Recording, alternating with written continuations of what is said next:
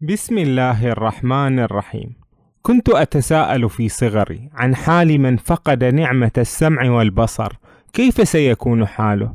إذ لا هو يرى العالم ولا هو يسمع عنه. وافترضت في ذلك الوقت أنه لو كان هناك شخص كذلك فسيكون كالخشبة المسندة. لا يحمل أي فكرة عن العالم الذي يعيش فيه. حتى قرأت سيرة هيلين كيلر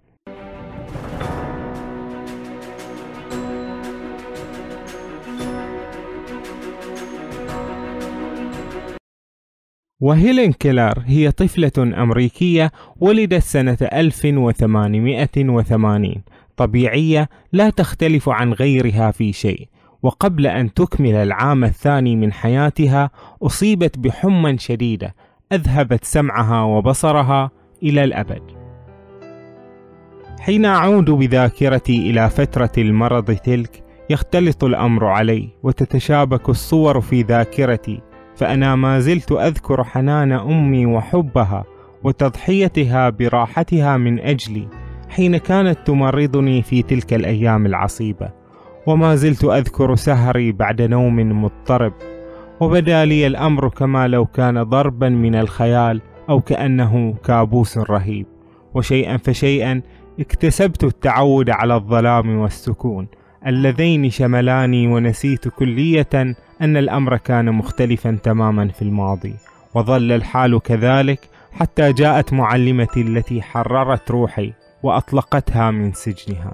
لكنني كنت على مدى الشهور التسعة عشر الأولى من عمري أستمتع برؤية الحقول الخضراء الشاسعة الممتدة والسماء ذات البريق والأشجار والزهور.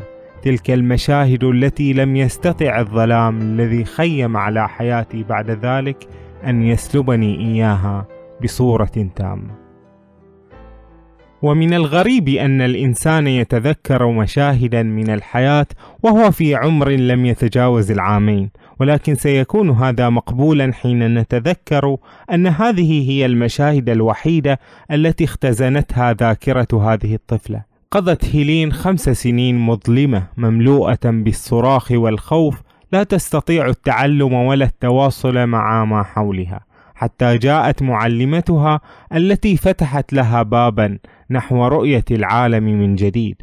كان ذلك عبر وسيلة رائعة هي أبجدية الأصابع وهي كتابة أحرف على اليد لتكوين كلمات وجمل وبصعوبة شديدة ولأول مرة ربطت هيلين بين رموز تكتب في اليد وأمور حقيقية توجد حولها. ورحنا نسير في الطريق إلى البئر وقامت معلمتي بوضع يدي في الماء المتدفق وبينما كان تيار الماء البارد يتساقط على يدي راحت المعلمة تتهجى على اليد الأخرى كلمة ماء وقد وقفت ساعتها هادئة وكل انتباهي موجه نحو حركة أصابعها. وفجأة بدا لي أني تذكرت شيئا كنت قد نسيته وشعرت بصوت مرتعش وتكشف لي بطريقة ما أحد أسرار اللغة إذ علمت حينئذ أن ماء تعني ذلك الشيء البارد الرائع الذي كان يتدفق على يدي. لقد أيقظت تلك الكلمة الحية روحي وأطلقتها من سجنها. غادرت البئر وأنا أتحرق شوقا للتعلم فقد عرفت أن لكل شيء اسما وأنه مع كل اسم تبرز فكرة جديدة. وبدا لي ونحن في طريقنا إلى المنزل أن كل شيء ألمسه مليء بالحياة. ذلك لأني رأيت كل شيء من خلال الفهم الجديد المختلف الذي دخل حياتي فجأة. وقد تعلمت في ذلك اليوم عددا هائلا من الكلمات الجديدة ولست أذكرها جميعها لكني أتذكر من بينها الكلمات التالية أم أب أخت معلم. وكان من الصعب في ذلك اليوم أن يعثر أحد على طفل آخر أكثر مني سعادة. حين رقدت في سريري في تلك الليلة ورحت أفكر في ألوان السرور التي جلبها إلي ذلك اليوم. وإذا بي ولأول مرة في حياتي أتطلع في شوق إلى طلوع اليوم التالي.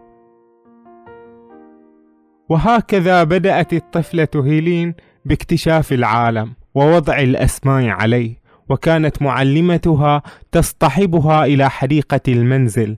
واتضح لي من قراءتي لهذا الكتاب أن أعظم حاسة بعد البصر والسمع هي اللمس لأن الجسم يشعر بهبة الريح وبدفء الشمس وبنعومة العشب ويميز يد الأم والأب والأخ والمعلمة. ويعرف بذلك الماء والتراب والحديد والقطن وغيرها فكانت هيلين تدرك العالم عبر هذه الحاسة الأساسية ولكن بعد وقت قصير اصطدمت بكلمات لا يمكن إدراكها بالحس. ذات يوم وجدت بعض أزهار الربيع المبكرة الظهور في الحديقة فأحضرتها إلى معلمتي فأحاطتني الآنسة سوليفان بذراعيها برقة ولطف وتهجت على أصابع الكلمات التالية أحبك يا هيلين. فسألتها ما هو الحب؟ فجذبتني لتقربني إليها أكثر وقالت إنه هنا. وأشارت إلى قلبي فحيرتني كلماتها الغامضة كثيرا لأنني في ذلك الوقت لم أكن أعرف أي شيء ما لم يكن باستطاعتي أن ألمسه. ورحت أتشمم الأزهار في يدها وأسألها تارة بالكلمات وتارة بالإيماءات سؤالا معناه هل الحب هو الرائحة الجميلة للأزهار؟ فقالت معلمتي كلا فأشرت في الاتجاه الذي يجيء منه الدفء وسألتها ثانية هل هذا هو الحب؟ فأجابتني الحب شيء مثل السحب التي كانت في السماء قبل أن تسطع الشمس ثم راحت تشرح لي قائلة إنك يا هيلين لا تستطيعين أن تلمسي السحب وأنت تدركين ذلك لكنك تشعرين بالمطر وتعرفين كم تكون الأزهار والأرض العطشى سعيدة حين يصل إليها ماؤه بعد يوم حار وأنت لا يمكنك كذلك أن تلمسي الحب لكنك تعرفين المشاعر الحلوة التي يبثها في كل شيء. فبدون المشاعر الطيبة لن تكوني سعيدة أو تكون لك رغبة في اللعب. صار عقلي مليئا بالحقيقة الجميلة وشعرت بالأواصر غير المرئية التي تربط بين روحي وأرواح الآخرين. وتحولت الطفلة هيلين إلى جزء فاعل في أسرتها ومجتمعها. في العيد مثلا كانت تسعد بإهداء الهدايا لأفراد الأسرة واستقبالها منهم. وفي يوم العيد كنت أنا التي أيقظت جميع أفراد الأسرة لأهنئهم بالعيد فإذا بي أجد المفاجآت في كل مكان في جوربي وعلى المنضدة وعلى الكراسي وعلى الباب حتى أني لم أكن أستطيع السير دون أن أتعثر في إحدى هدايا العيد الموضوعة داخل لفائف جميلة. ولما استقلت القطار للذهاب إلى مدرسة المكفوفين كان لديها الشغف والرغبة في اكتشاف كل شيء. وأذكر رحيلي مع معلمتي ووالدتي ثم وصولنا في نهاية المطاف إلى بوسطن. كانت تلك الرحلة مختلفة كثيرا عن الرحلة التي قمت بها قبل ذلك بعامين. فهذه المرة لم أكن تلك المخلوقة الصغيرة الممتلئة بالعصبية والقلق. والتي كانت بحاجة إلى اهتمام وعناية كل ركاب القطار لكي تهدأ نفسها كما كان الحال في الماضي. بل جلست في هذه المرة في هدوء إلى جانب الآنسة سوليفان. أنصت باهتمام وشغف لكل ما تقوله لي عما كانت تراه من خلال نافذة القطار. نهر تنس رائع الجمال وحقول القطن الشاسعة والتلال والغابات وحشود الناس المستغرقين في الضحك على المحطة والذين كانوا يلوحون بأيديهم في وداع أصدقائهم الموجودين على متن القطار. وعلى المقعد المقابل لي جلست عروستي المصنوعة من القماش نانسي وقد ارتدت فستانا جديدا وقبعة جديدة وراحت تنظر لي بعينيها المصنوعتين من خرزتين. وفي مشهد القطار نتساءل هل نحن المبصرون والسامعون؟ نهتم بجمال ما نراه في الحياة أم هو التعود واللهاث نحو مزيد من النعم دون أن ننعم بها فعلا؟ تكمل هيلين مشوارها لتصل إلى مدرسة المكفوفين. وحينما بلغ القطار آخر الأمر محطة بوسطن شعرت كما لو أن حلما جميلا قد تحقق. وبمجرد وصولي إلى مؤسسة بيركنز للمكفوفين بدأت أرتبط بصداقات بكل الأطفال الصغار فاقدي البصر. وفرحت كثيرا حين وجدتهم على علم بأبجدية الأيدي. إذ كان من دواعي سعادتي أن أتحدث إلى الأطفال بنفس لغتي. وأحسست أنني في بلدي وبين أهلي ومن هم في مثل ظروفي. وسرعان ما اعتدت على قيام هؤلاء الأطفال بوضع أصابعهم على أصابعي ونحن نتبادل الحديث باستخدام أبجدية الأيدي. وبعد أيام قلائل شعرت بأنني في بيتي تماما وكنت أتطلع في شغف إلى تجربة سارة في إثر أخرى كلما دارت الأيام. وتدرجت هيلين في بلوغ الإنجازات. في كل مرة كانت تحاول تعلم شيء جديد.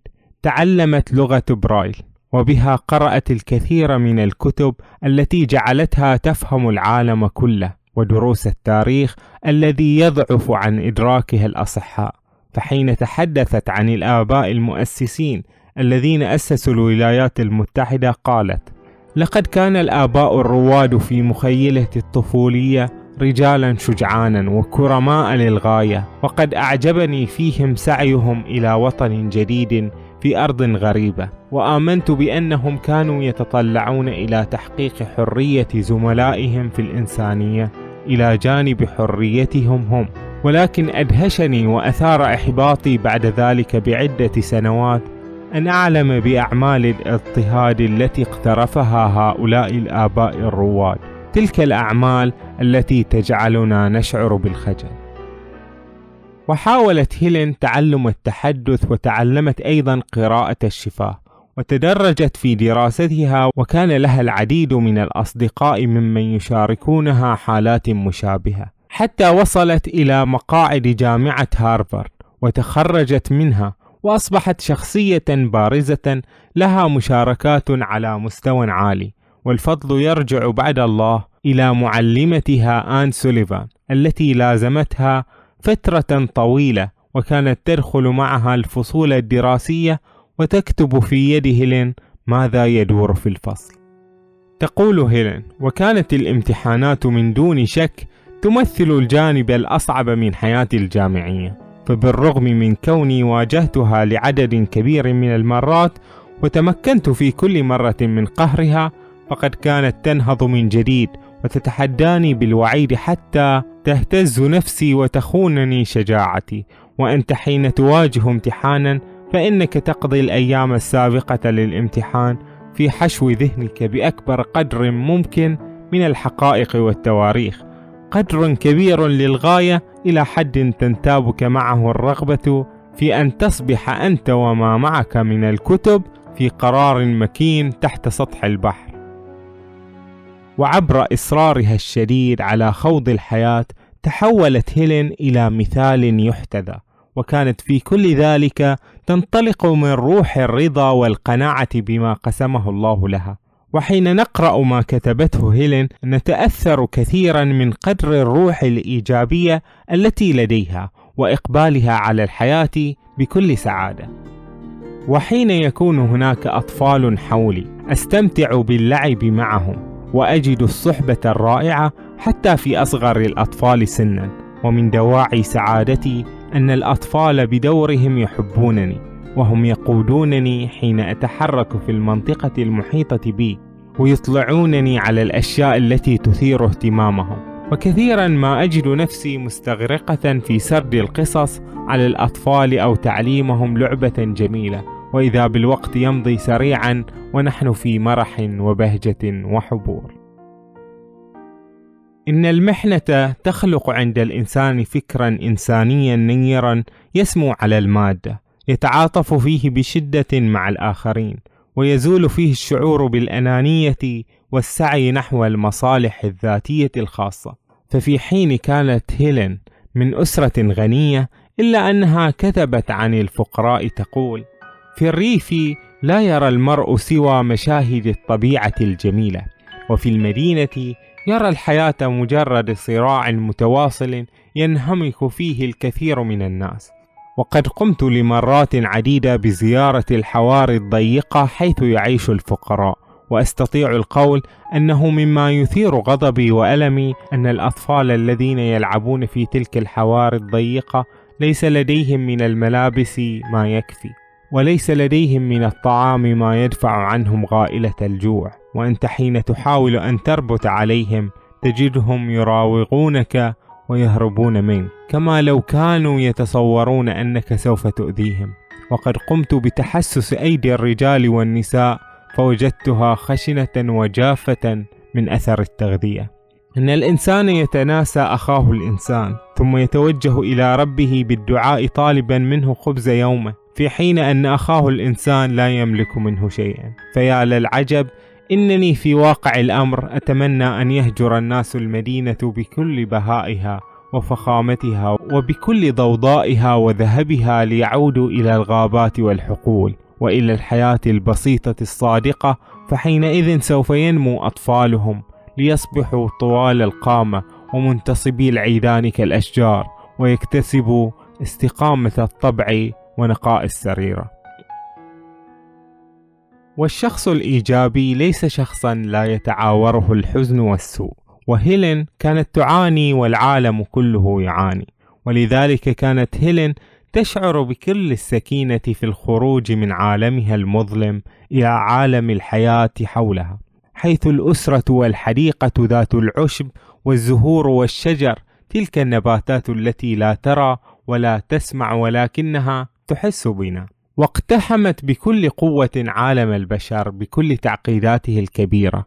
وإن كان هناك درس من قصة هيلين هو أنه لا يهم مقدار ما تعانيه، المهم هو كيف تتعامل معه وكيف تنطلق رغم كل شيء نحو أهداف خيرة تصل بك وبذويك وبالعالم إلى حال أفضل كما ترى أيها القارئ العزيز فإن حياتي في ذلك الوقت برغم كل ما يعتريها من معوقات كان لديها بعض الصلات بالعالم الجميل وكان لكل شيء حسنه ورونقه حتى الظلام والصمت. وقد تعلمت أن أكون قانعة بما أنا فيه وإن كنت في بعض الأحيان ينتابني الشعور بأني أعيش وحيدة منفردة.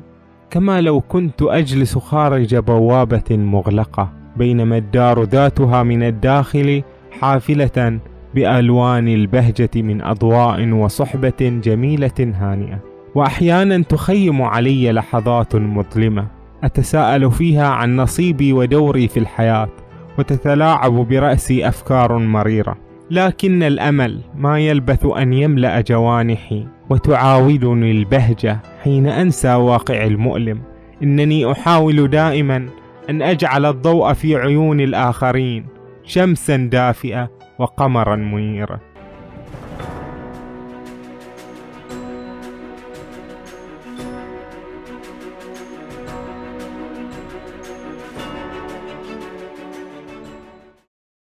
فقدت هيلين كيلر وعمرها سنتين نعمة السمع والبصر إلى الأبد. في هذا المقطع نستعرض كتابها لو أبصرت ثلاثة أيام.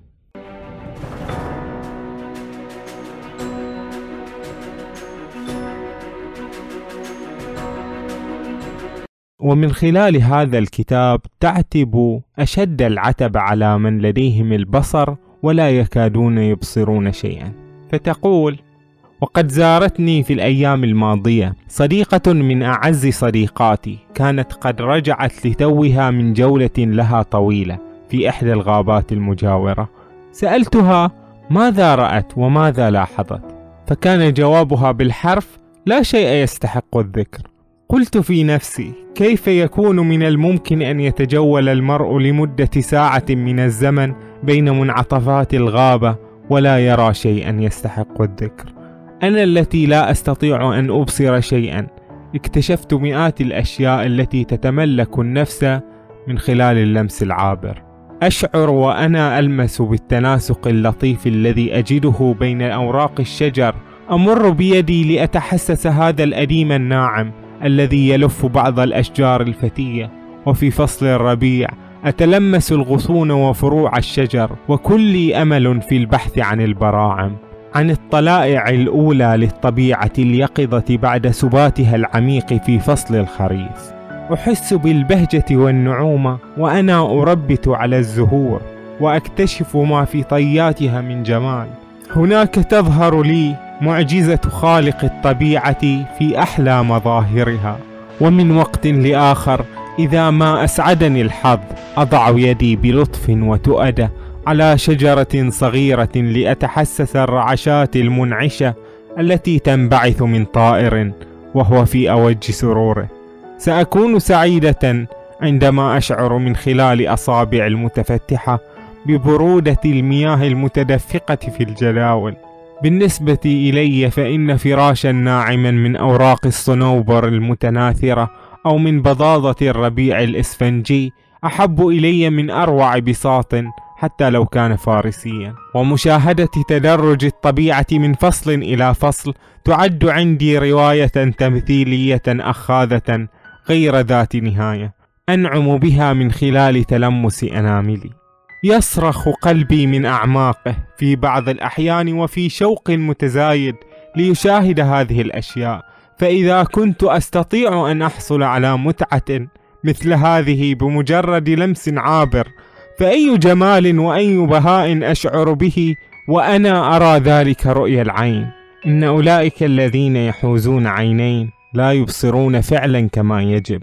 فالمنظر الشامل لمختلف الألوان ومختلف الحركات التي يزدان بها هذا الكون.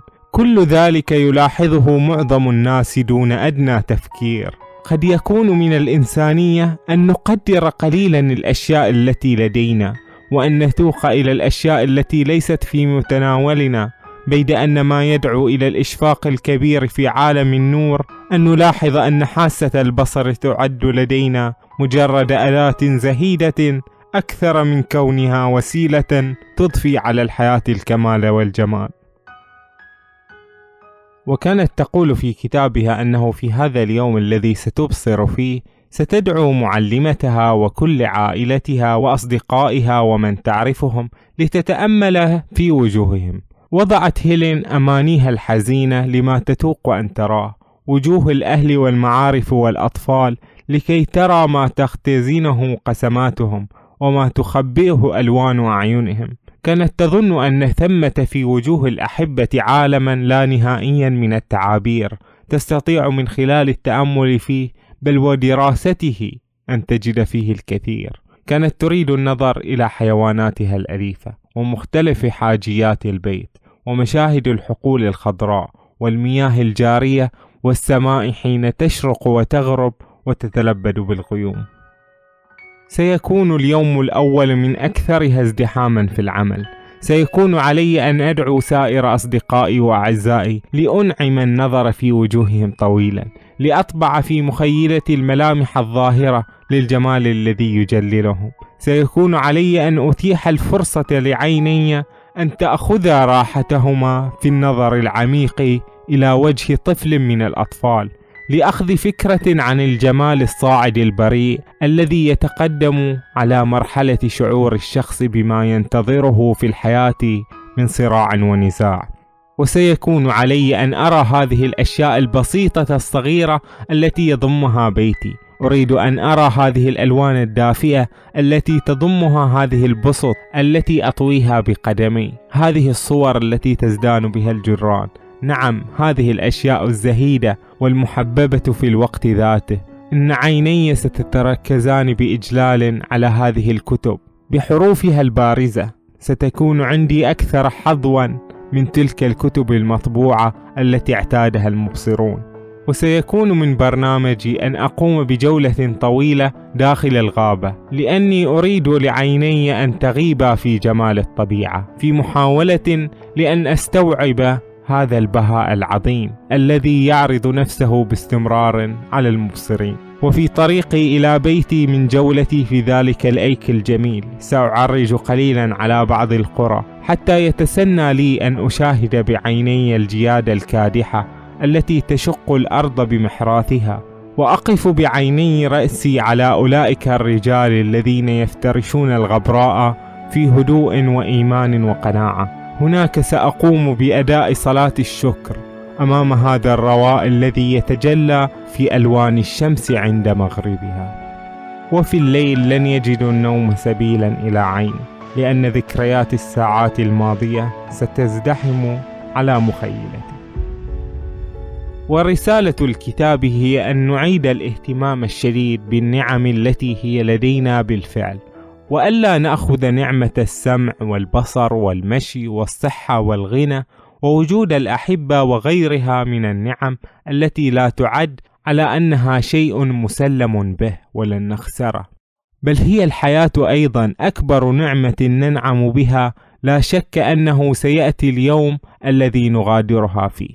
ولذلك فالحمد لله أن لدينا هذا اليوم لنعيشه. ولدينا الكثير من النعم التي يمكن أن تجعلنا أسعد السعداء. وكان في كلام هذه السيدة أبلغ التعبير في هذا الشأن في أن نجد في البصر والسمع وما قسمه الله لنا السعادة والاكتفاء.